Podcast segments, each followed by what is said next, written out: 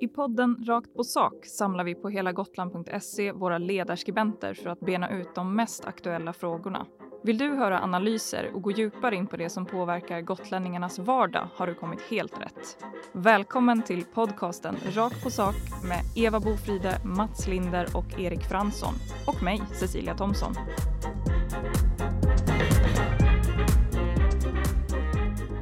Ja, hörni, ännu en vecka i podcastens tjänst. Kul att se er alla igen. Hur står det till med eh, Mats, Eva och Erik? Bara bra. Perfekt. Eh, tillräckligt bra. Ja. Du tyckte det var lite för positivt där. Så du...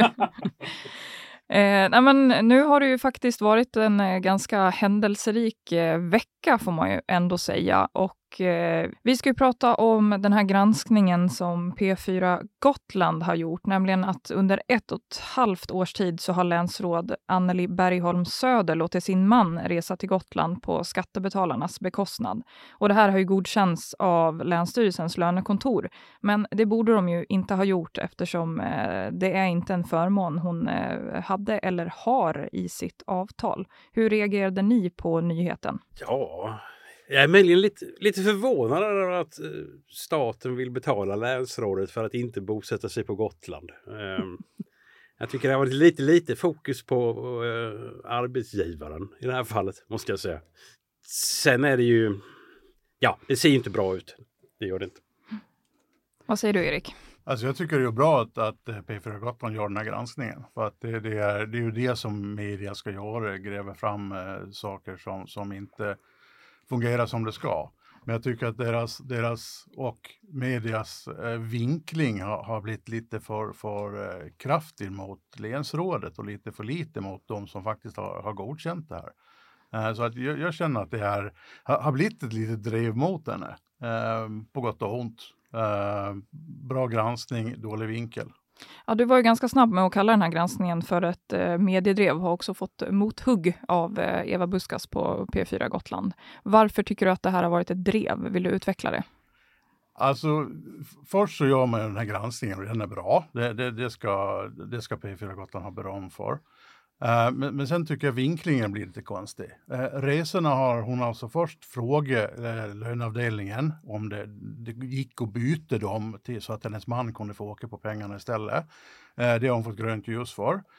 hon har genomfört det och, och de har godkänt de, de räkningarna så att säga. sen visar det sig att det är fel. Eh, då betalar hon tillbaks pengarna på studs och ändå vinklar man det som att det är hon som någonstans har tillåtit sin man att, att åka på de här pengarna.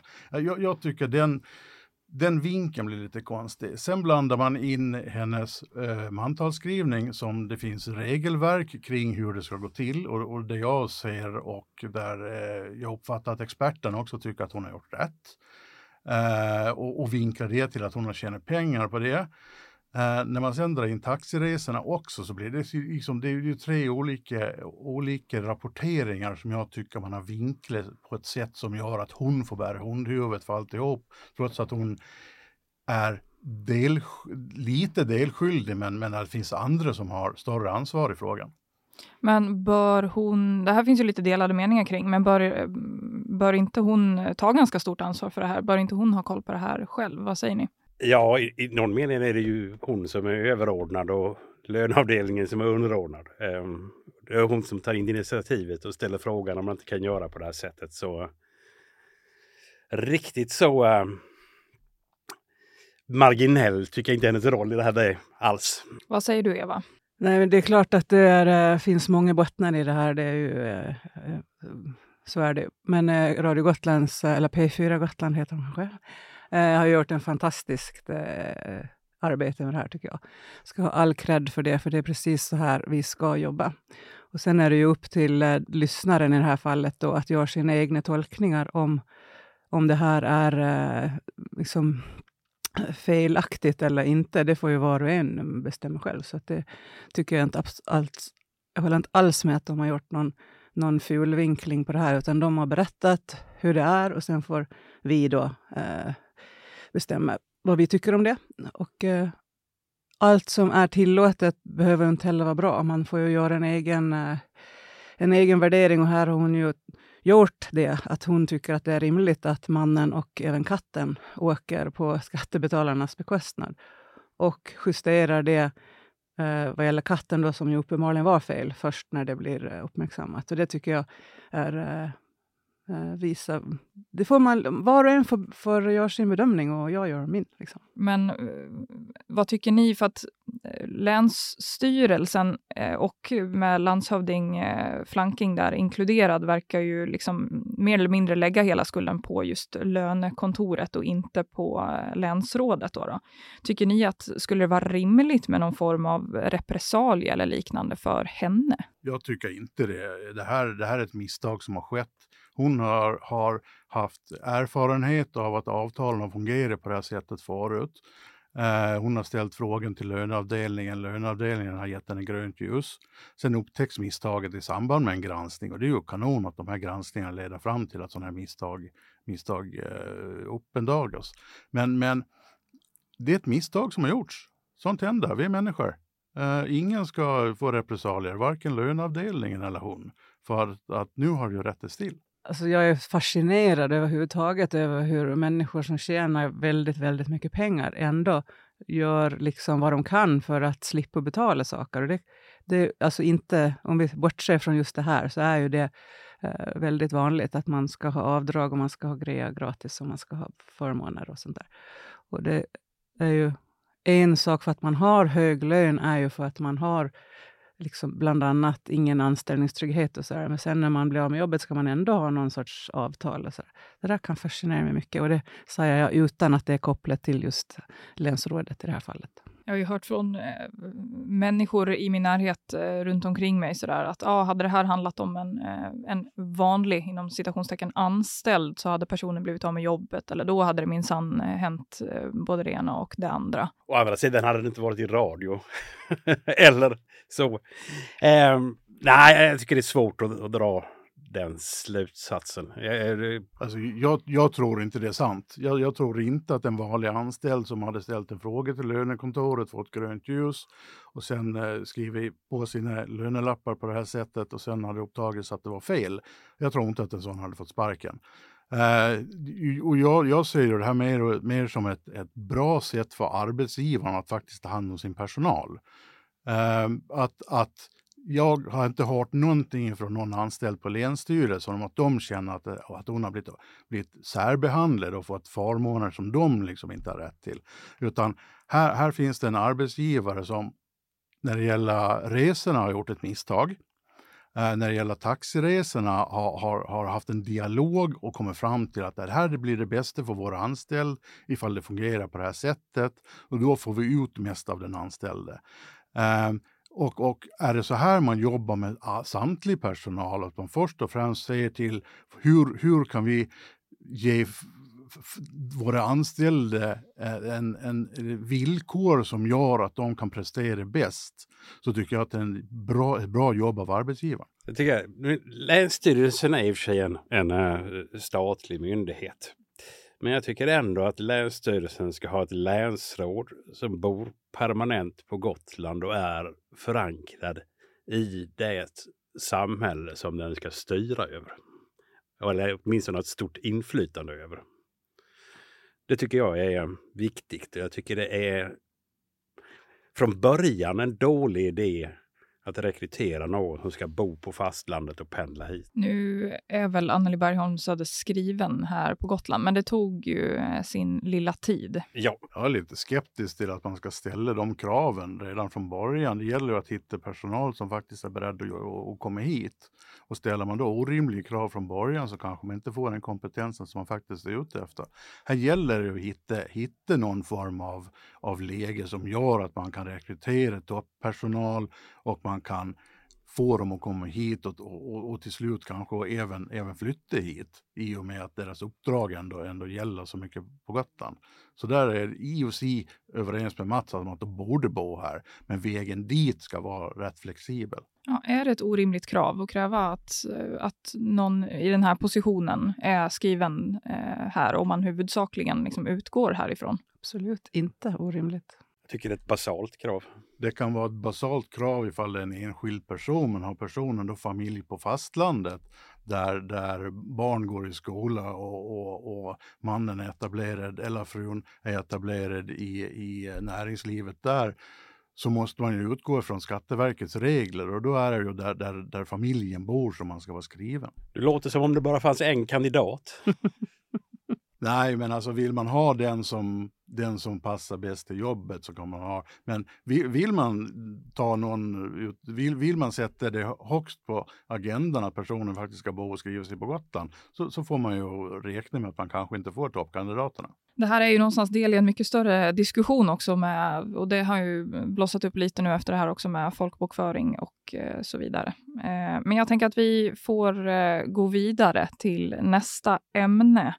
Eh, och här i veckan fick vi också veta att eh, trots eh, ökade biljettpriser, bränslebyte och fartygsförsäljningar så går Gotlandsbolaget med omkring 130 miljoner kronor i förlust förra året. Mats, du ligger inte sömnlös och oroar dig för Gotlandsbolagets ekonomi har jag förstått. Äh, nej, det gör jag inte. Dels vet jag inte riktigt hur den ser ut. För det är ju som med bokslut att de kan, eh, jag vill inte an använda mig av något negativt ord här nu, de kan eh, eh, justera så att eh, mer avspegla en önskad bild, om jag säger så. Eh, men jag tvivlar inte ett dugg på att, att eh, destinationens och, och eh, Gotlandsbolagets ekonomier är, eh, är sämre eh, under 2022 än tidigare år. Jag menar bränslepriserna gick upp och det dröjde innan de stora prishöjningarna kommer. Den största prishöjningen kommer först efter årsskiftet eh, och syns inte i det här bokslutet.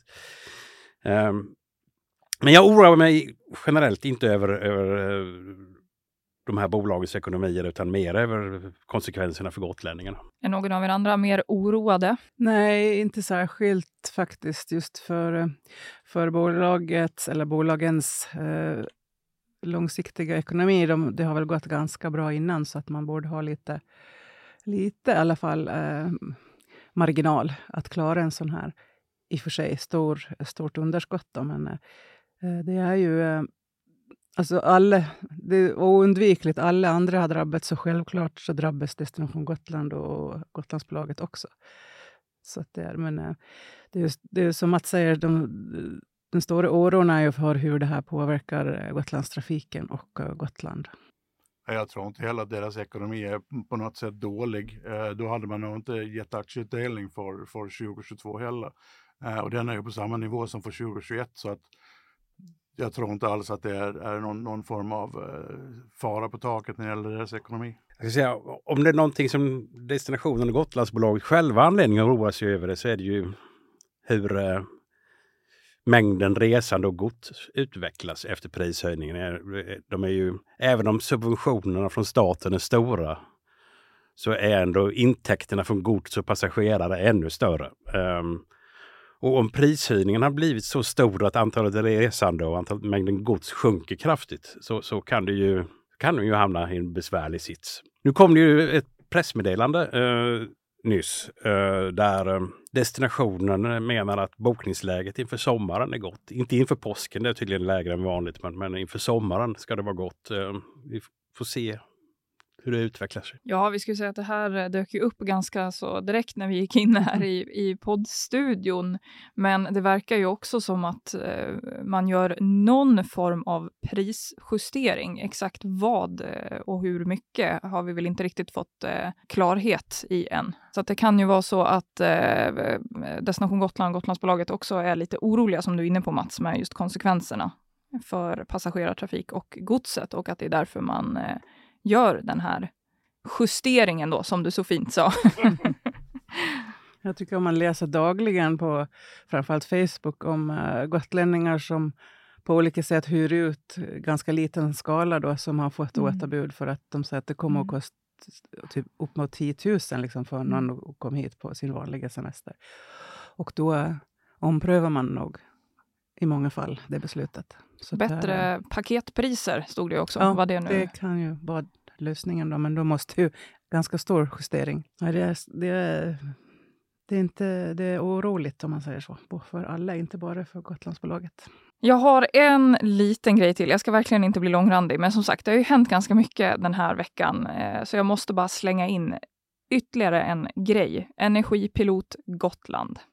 Eh, det har ju lagts ner utan att eh, så många verkar ha varit med på att det har lagts ner. Hur stor eh, flopp är detta? Med tanke på hur med de fanfarer under vilka detta sattes igång så är det väl...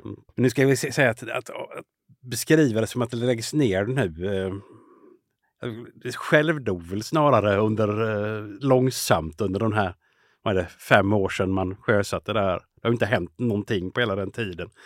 Så det är väl lite grann mer som en, en, en, en, grav, det är snarare en gravsättning än en avlivning om jag säger så. Det verkar inte som att någon har haft något engagemang för, för det här pilotprojektet, förutom att kunna säga att man har startat pilotprojekt och nu ska Gotland gå före och det ska bli fantastiskt. Men det tillsköts ju aldrig några pengar, utan det som har gjorts har gjorts av regionen själv på eget initiativ. Så eh, jag tycker både det, det här beslutet att lägga ner det utan att säga någonting eh, symboliserar väl mycket av hur det har fungerat från början, kan jag tycka. Och sen är det ju väldigt... Eh, ja, det blir konstigt från... Eh, I och med att vi har ett styre på Gotland som är både Socialdemokraterna och Moderaterna. Och Socialdemokraterna lokalt kritiserar regeringen.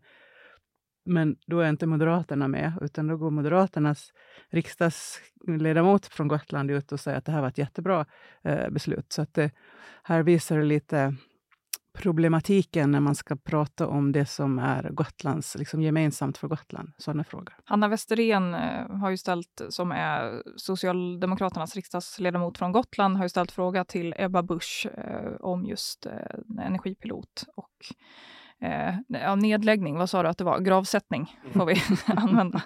Eh, och eh, Ebba Busch har eh, svarat något i stil med eh, att Gotland ska vara nöjda med att vi får en ny elkabel. Det har vi hört förut. Alltså jag, jag tycker den här energipiloten, även fast den inte har, egentligen har gett någonting, så, så visar den ändå på en viljeinriktning. Och det är ju den viljeinriktningen som regionen har tagit vara på och bilder bland annat Grönt centrum heter det va? Eh, eller energicentrum heter det, Energicentrum, eh, där man jobbar med de här frågorna. Eh, sen att det inte har tillkommit några resurser, det är ju, det är ju bedrövligt. Men, men inriktningen har ändå varit tydlig. Och där, där sker det ju ett, ett ja, vad kallar man det för? Regimskifte kallar man det inte för, utan man brukar kalla det för något annat nu för tiden. Paradigmskifte, där, där, där förnybart inte ska gälla utan att det ska vara istället fossilfritt. Uh, så att vi, vi får väl vänta på och se när, när, när vi blir kompenserade med kärnkraftverk här istället. Politik är att vilja, eller vad brukar man säga? Eh, då eh, säger vi tack eh, och hej till eh, Energipilot Gotland och vi säger också tack och hej från eh, oss här i poddstudion den här veckan. Eh, hör jättegärna av er till eh, oss. Jag finns som vanligt på cecilia.thomson gotlandsallehanda.se och vi hörs ju igen om en vecka, precis som vanligt. Tryggt och bra.